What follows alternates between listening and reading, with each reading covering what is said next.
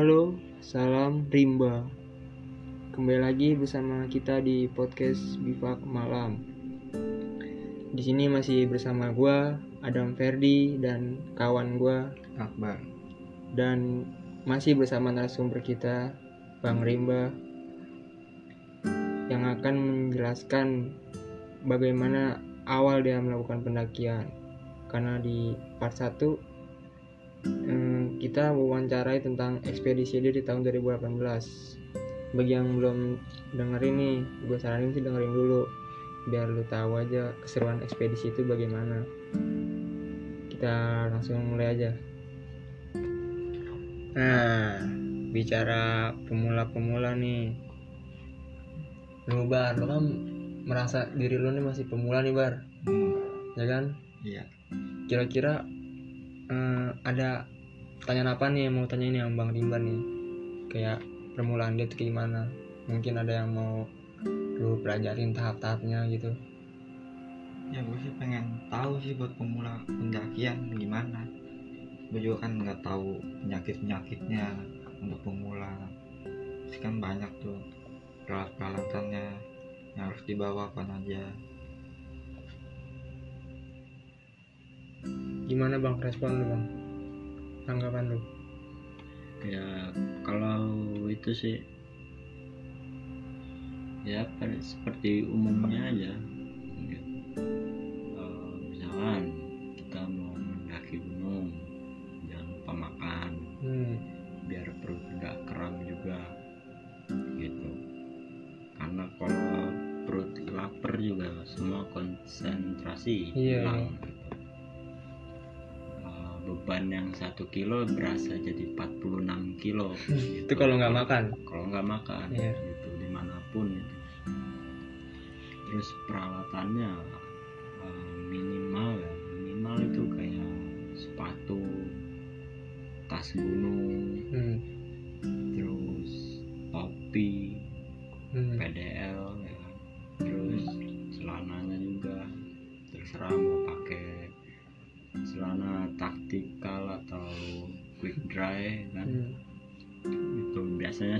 kalau yang sekarang anak-anak pada pakai quick dry kalau dry? ya kalau gua sendiri sih biasanya menyesuaikan. Hmm. menyesuaikan kita mau ke mana gitu. Hmm. bukan menyesuaikan kita mau pakai apa gitu. Iya iya iya. Ngerti gua. Gue masih penasaran nih bang. Hmm, awal mula lu tuh gimana bang? Sebelum menjadi gagah sekarang ini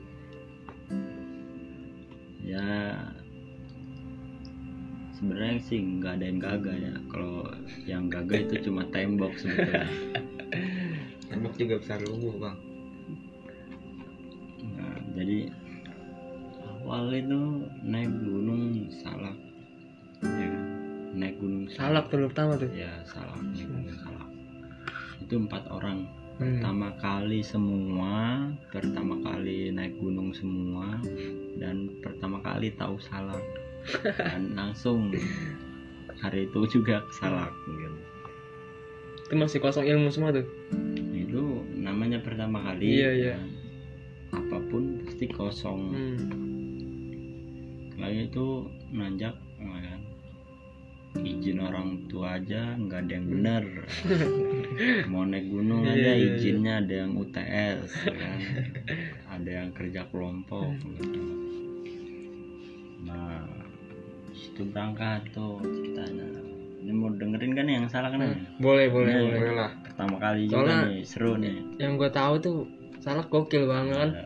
lagi buat lu banget nih yang pemula Iya, nah kita naik gunung nih, naik gunung lewat pasir tuh, Hmm. treknya lumayan jauh sih, iya iya lewat pasir ngit. Kita nanya-nanya warga, Pak, pasir ngit di mana? Nggak tahu. hmm. Kita buka map kan, no ikutin aja jalurnya, ikutin di maps, sampailah tuh pasir Iya. ngit.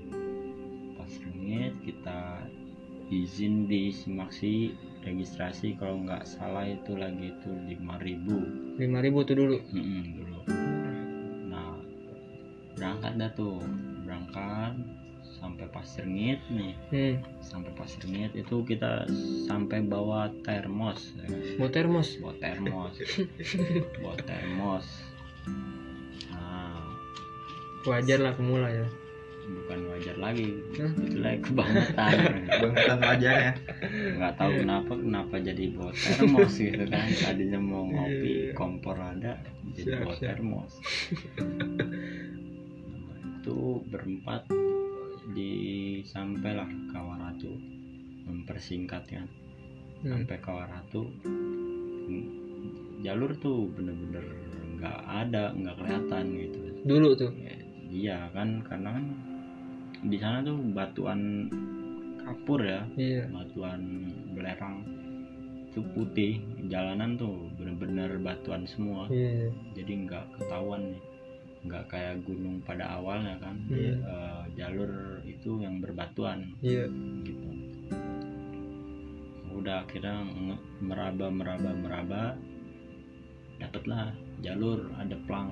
Hmm. kita ikutin tuh ikutin terus. Itu waktu udah jam 4 sore. Empat sore. Wah, pokoknya kita itu ngecamp di helipad helipad. Ya ngecamp di helipad sebelum Hmm. pertigaan Bajuri gitu. Nah ngecamp di helipad ketemu sore dah tuh ya. Hmm. itu masih jam empat tuh. Mm. ketemu sore. Nah kita gelar tenda di situ tuh. Iya. Gelar tenda. Ini malam lumayan berkabut lah. Hmm.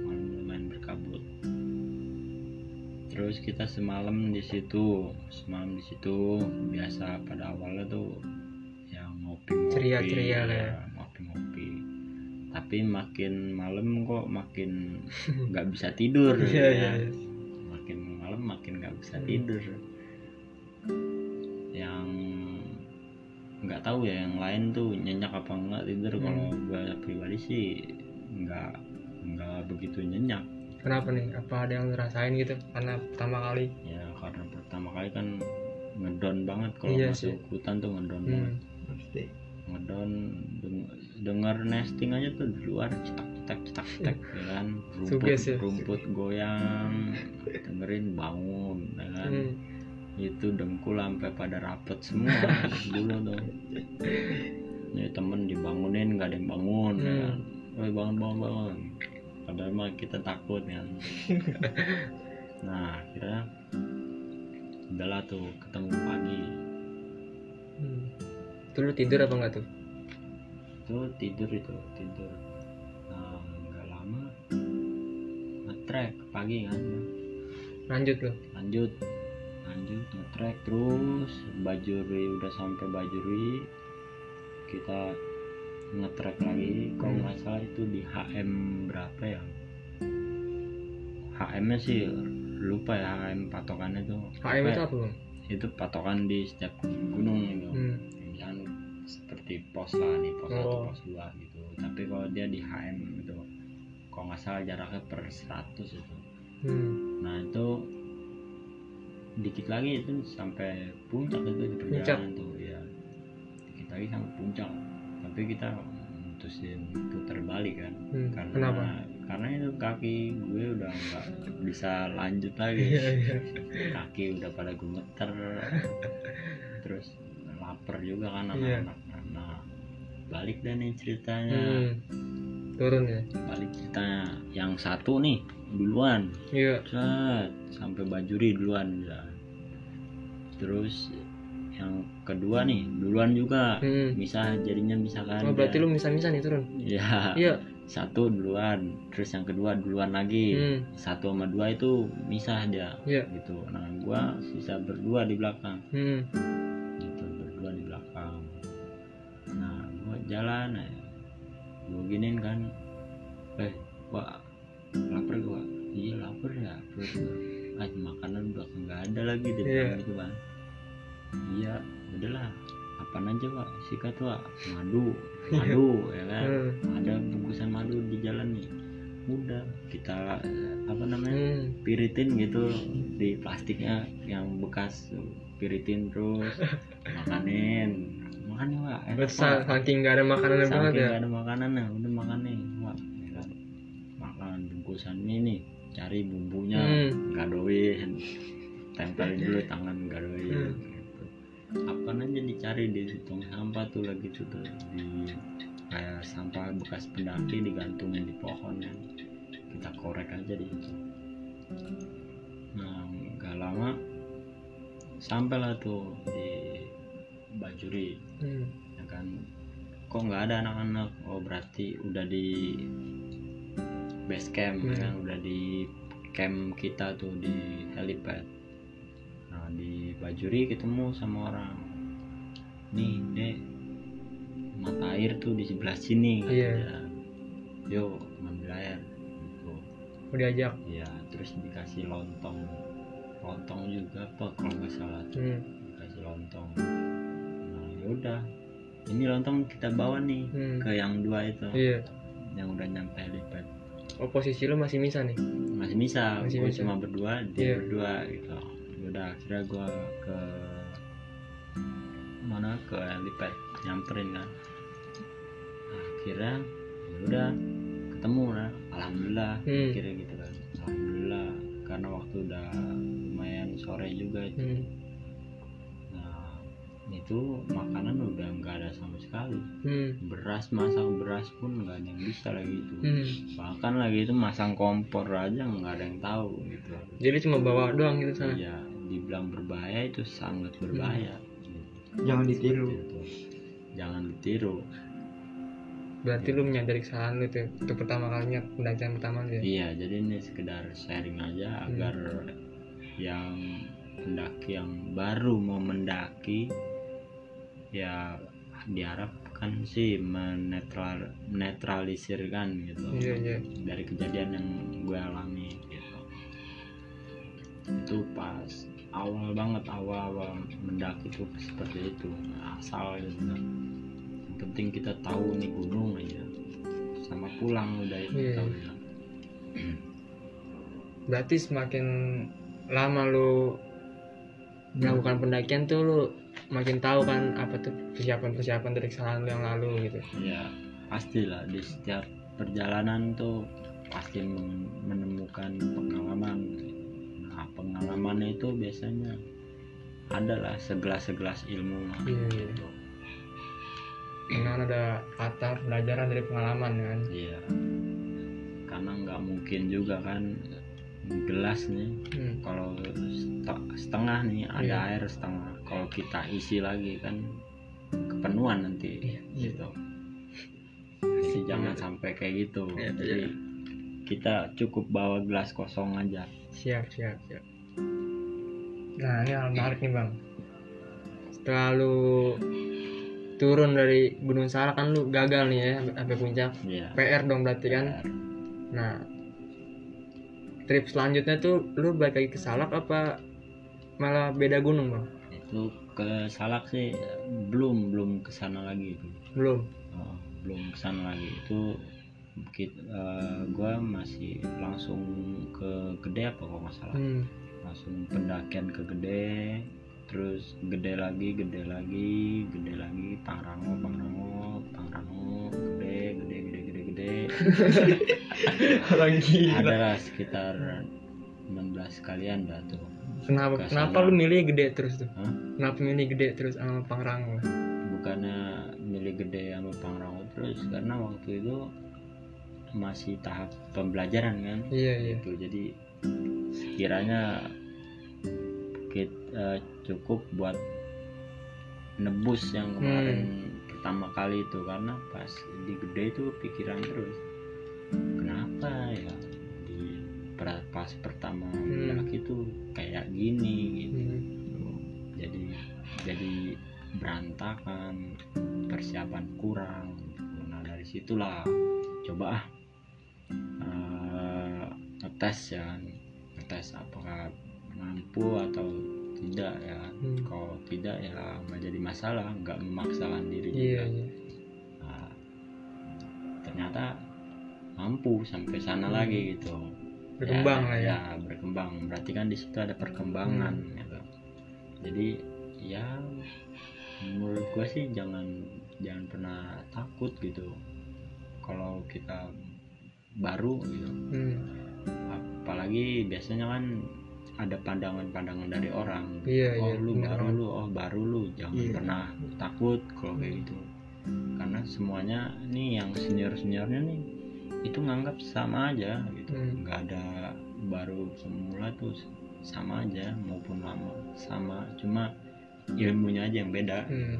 itu senior yang benar ya? Ya terus itu senior yang mendukung lah. Mendukung ya. Nah perbedaan yang lu dapetin nih bang dari gunung gede pertama kali lu naik nih bang sama sekarang apa nih bang? Perbedaan. Hmm, sampai sekarang. Sampai sekarang. Ya sampai sekarang tuh dari berbagai macam gunung yang dinaikin nih ya bisa lah kalau dilepas sekitar 20 harian gitu di hutan. Misalnya ada kegiatan ekspedisi ya insya Allah mampu gitu. Hmm. karena selain uh, mental juga udah agak terlatih kan. Terus persiapan ilmu pengetahuan tercukupi gitu. Jadi mm, bisa lah untuk melatih diri lebih baik lagi. Hmm. Jadi sekira itu.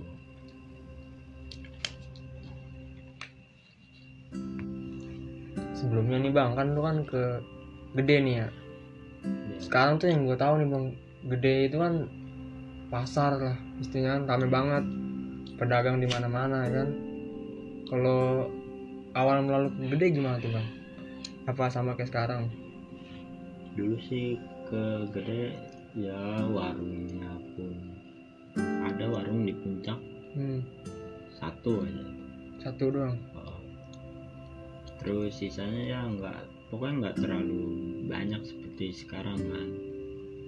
Terus dari etika pendakinya juga. Hmm. dulu naik gunung gede ada pendaki dikit nih. Gue samperin. Iya. Dia nyamperin gue kadang-kadang. Entah pendaki dari mana aja dulu pasti Hmm. begitu gitu. Karena dulu kan minim orang iya, iya. dulu minim orang belum populer juga dulu ya belum, belum populer ya udah akhirnya masa kita mau ngobrol sama pohon kan nggak mungkin kan orang gila Iya. mas sangka Ujung-ujungnya kesurupan ya. pendaki pendaki juga Iya. kita ajak diskusi gitu hmm.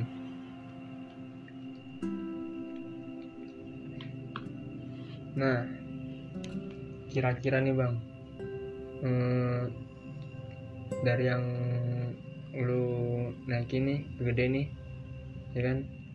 Lu ada hal-hal yang nggak bisa lu lupain nggak? Itu dari yang awal sampai sekarang. Yang di gede iya. Ada kayak kenang-kenangan lucu gitu. Iya. Terus dari serupan ada segi mistisnya apalah. Lu apa orang lain ada di orang lain di gua ada yang gua alamin. Tapi gua nggak terlalu ini kan Hmm. orangnya biasa aja gitu. Terus yang di ini ada nih kejadian di Pangrango. Iya. ini lucu nih lucu. Lucu nih. Lucu. Lu mesti ketawa cok ini lucu ya. Jadi itu pun nanjak nih sampai kan Mandawangi nih di Pangrango hmm. Nah, itu udah setengah jalan tuh ya udah ibaratnya udah berapa ke sekian berapa kali ke sana ke Pangrango ini jadi ada nih orang ya kan tiba-tiba ke semak-semak nih ya kan. semak-semak. Boker. Iya. Teriak, gue teriakin kan oh kalau boker gali dulu bawa Hmm. nih golok nih ya Iya. kan. bawa nih golok iya kata dia iya nah terus nggak lama dia udah tuh Hmm. bangun kan Set. mana udah digali belum hmm. kata dia udah nggak percaya kan Iya, iya. tampang tampangnya kan ya gue cek nih samperin pas gue lihat nih hmm. ditumpuk doang pakai batu. Iya. oh nggak dikubur gitu? Nggak dikubur ditumpukin dong pakai batu sampai wah panggil kan. Gali gali gali panggil orang gali gali gali gali sama dia. Nah, seharusnya nggak seperti itu juga Hmm. gitu. Mengganggu bang Iya, bukan mengganggu memang larut. Kalau hujan tuh larut Hmm. tapi kan agar risih gitu Iya. takutnya ada misalkan baru buang air besar sekarang nih nantinya ada yang langsung de- ngecamp dekat situ kan Hmm. nggak bikin nyaman gitu. Iya. Seharusnya digali dulu. Hmm. kalau gue sih jujur belum pernah bang buker di gunung gitu. Hmm. kalau lu bar mungkin? Gue udah pernah. Pernah lu? Pernah. Tapi kok gue digali. Digali kan lu? Yo bagus nanti lu ada lagi. Eh, jadi ini nih temen gue kan kan buang air besar nih kan. Hmm. kita di di pertengahan jalan nih arah Pangrango nih.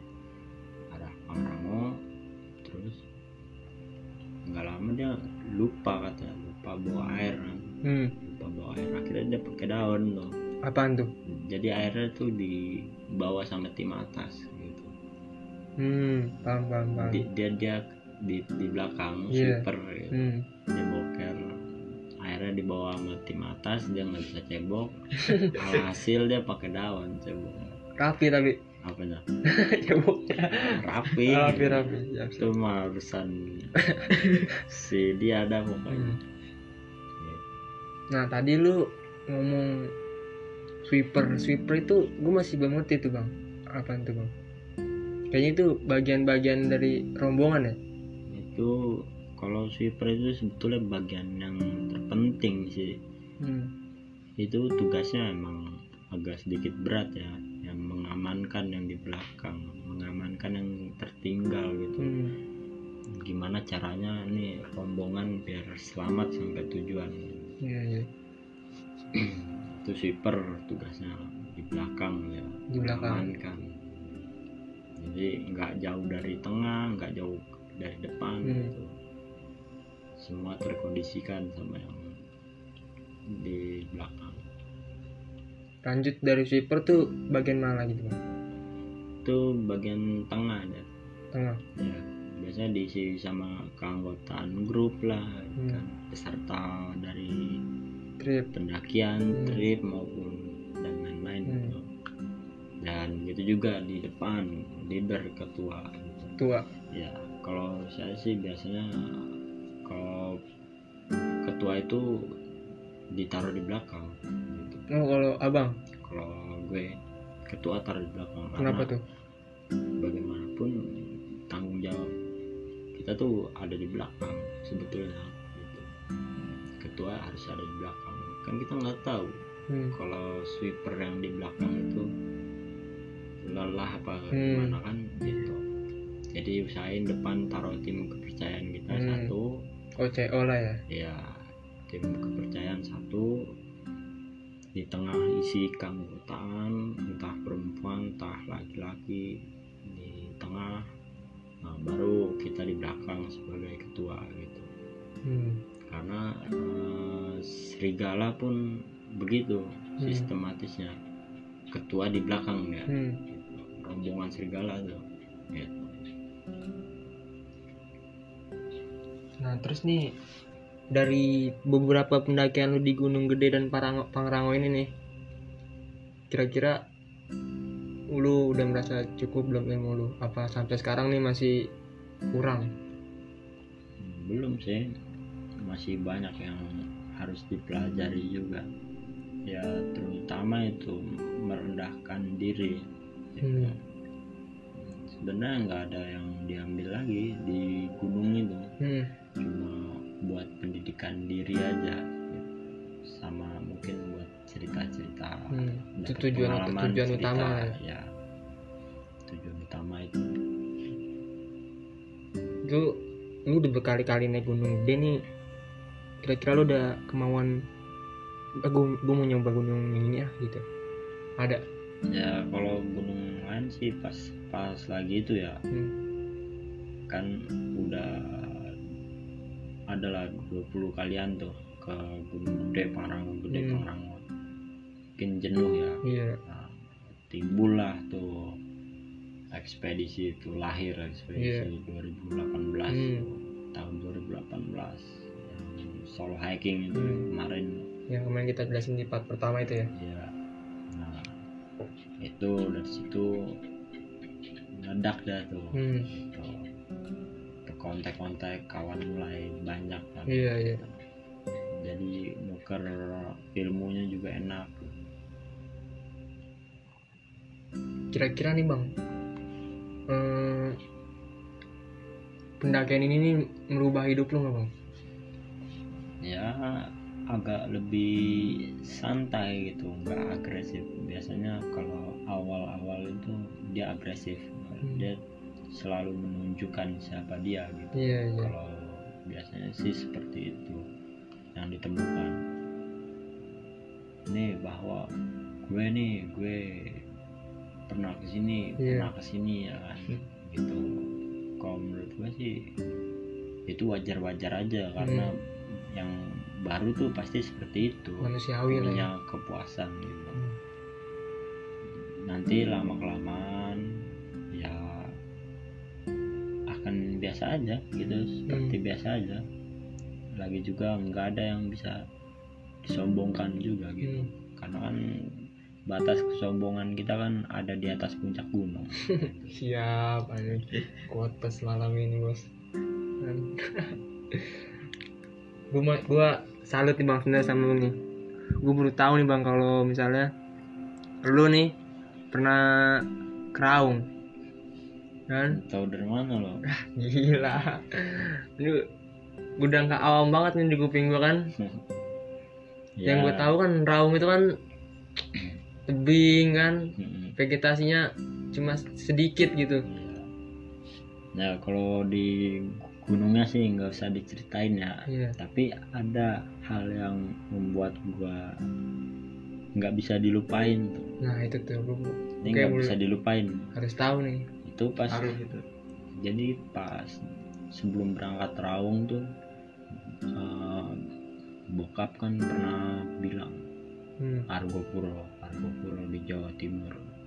Oh ya keingetan kan langsung di otak.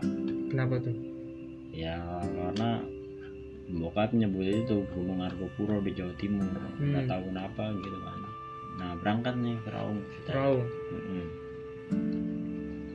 sampailah tuh di pos 7 camp camp terakhir tuh nah dari situ kan eh, setelah itu kejadiannya oh setelah setelah muncak dari Gunung Raung tuh hmm.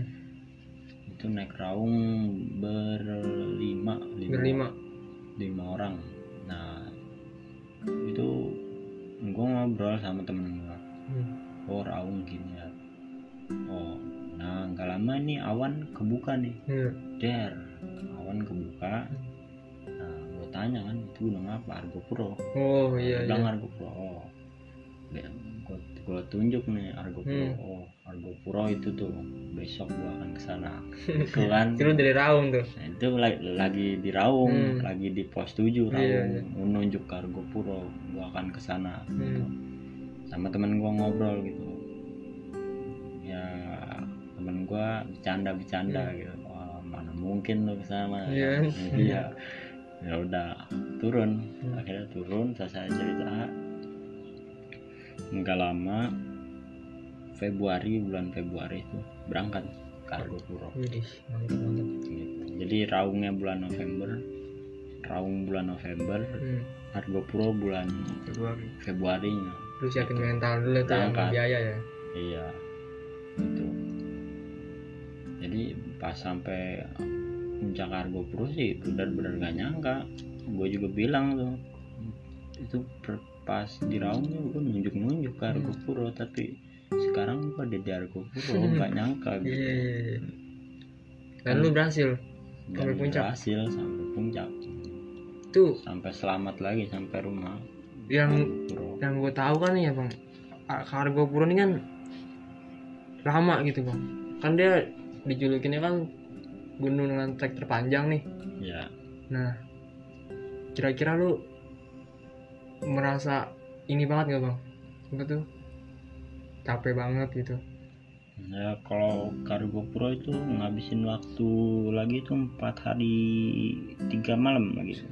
Itu berangkatnya doang tuh? Empat hari empat malam. Berangkatnya doang? Itu kalau berangkatnya aja sih bisa tiga harian dua malam. Hmm. tiga hari dua malam. Sekitar segitu. Hmm. gitu. pokoknya yang lama itu dari jalur Baderan yang lama Hmm. gitu bisa ya total segitu lah empat hari empat malaman tuh kemakan tenaga juga gitu.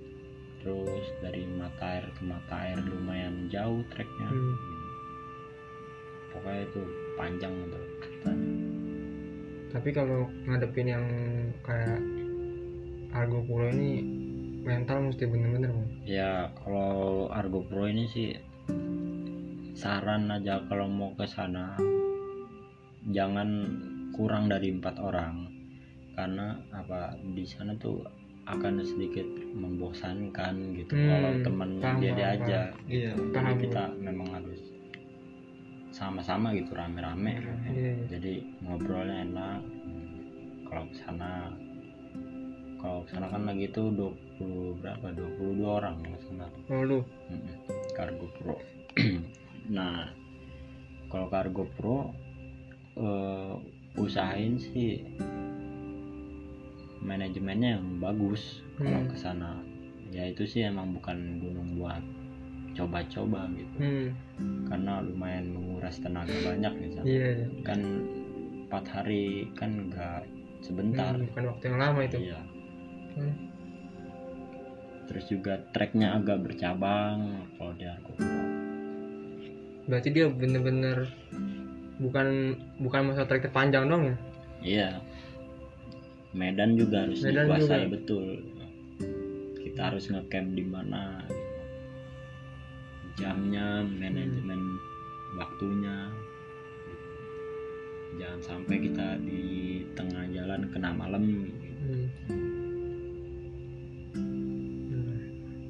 Boleh juga nih senior kita satu ini kan. Yo gokil. Nah gua belum lama ini nih bang.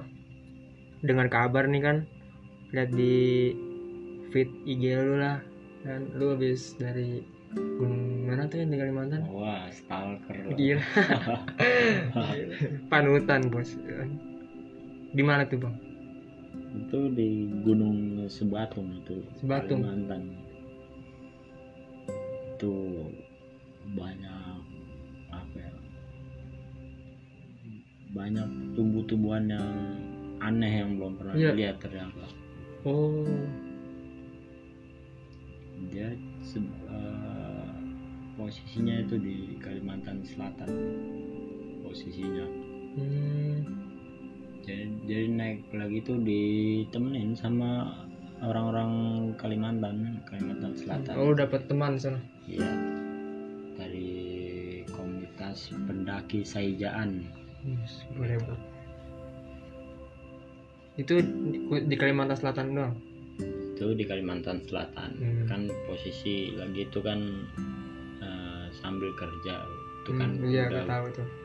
Itu sebelum ke Kalimantan juga sebelumnya udah sempat ngurang-ngurangin mendaki gitu Hmm. pokoknya setelah balik ekspedisi 2019 itu udah agak mau dikendorin Hmm. mendakinya gitu lagi mau mempersiapkan ekspedisi 2021 insya Allah kalau jadi di Sumatera lokasinya Amin. Nah, ini, ini mantap nih, Cuk. Ini kita pengen banget nih ngebahas yang ekspedisi dia nih yang 2019 ya. Iya. Katanya banyak banget nih pengalaman serunya nih, ya kan? Bersama dengan tiga orang temennya tuh. Kayaknya bakal kita lanjut aja nih Bar, ke part 3 nih. kayaknya Soalnya udah 34 menit juga kan. Iya. Siapkan bang mau cerita cerita lagi? Siap terus asal Mantap. rokok kopinya. Iya. Ada terus jadi gini nih jadi ini nih tuan rumah. Oke jadi di part kedua ini kita selesaiin aja dulu karena waktu yang udah cukup lama. Nanti kita bakal sambung ke part ketiganya nih. Ini part gokilnya nih soalnya ini belum lama nih kan? Tahun 2019 nih dia bakal nyerita ekspedisi dia di Jawa Timur. Nah untuk para pendengar yang ingin tahu lebih lanjut tentang pendakian dan ingin memberi saran boleh DM kita di Instagram hmm, di Bivak Malam. Cukup sekian Hmm, tunggu part ketiga kita selanjutnya. Terima kasih.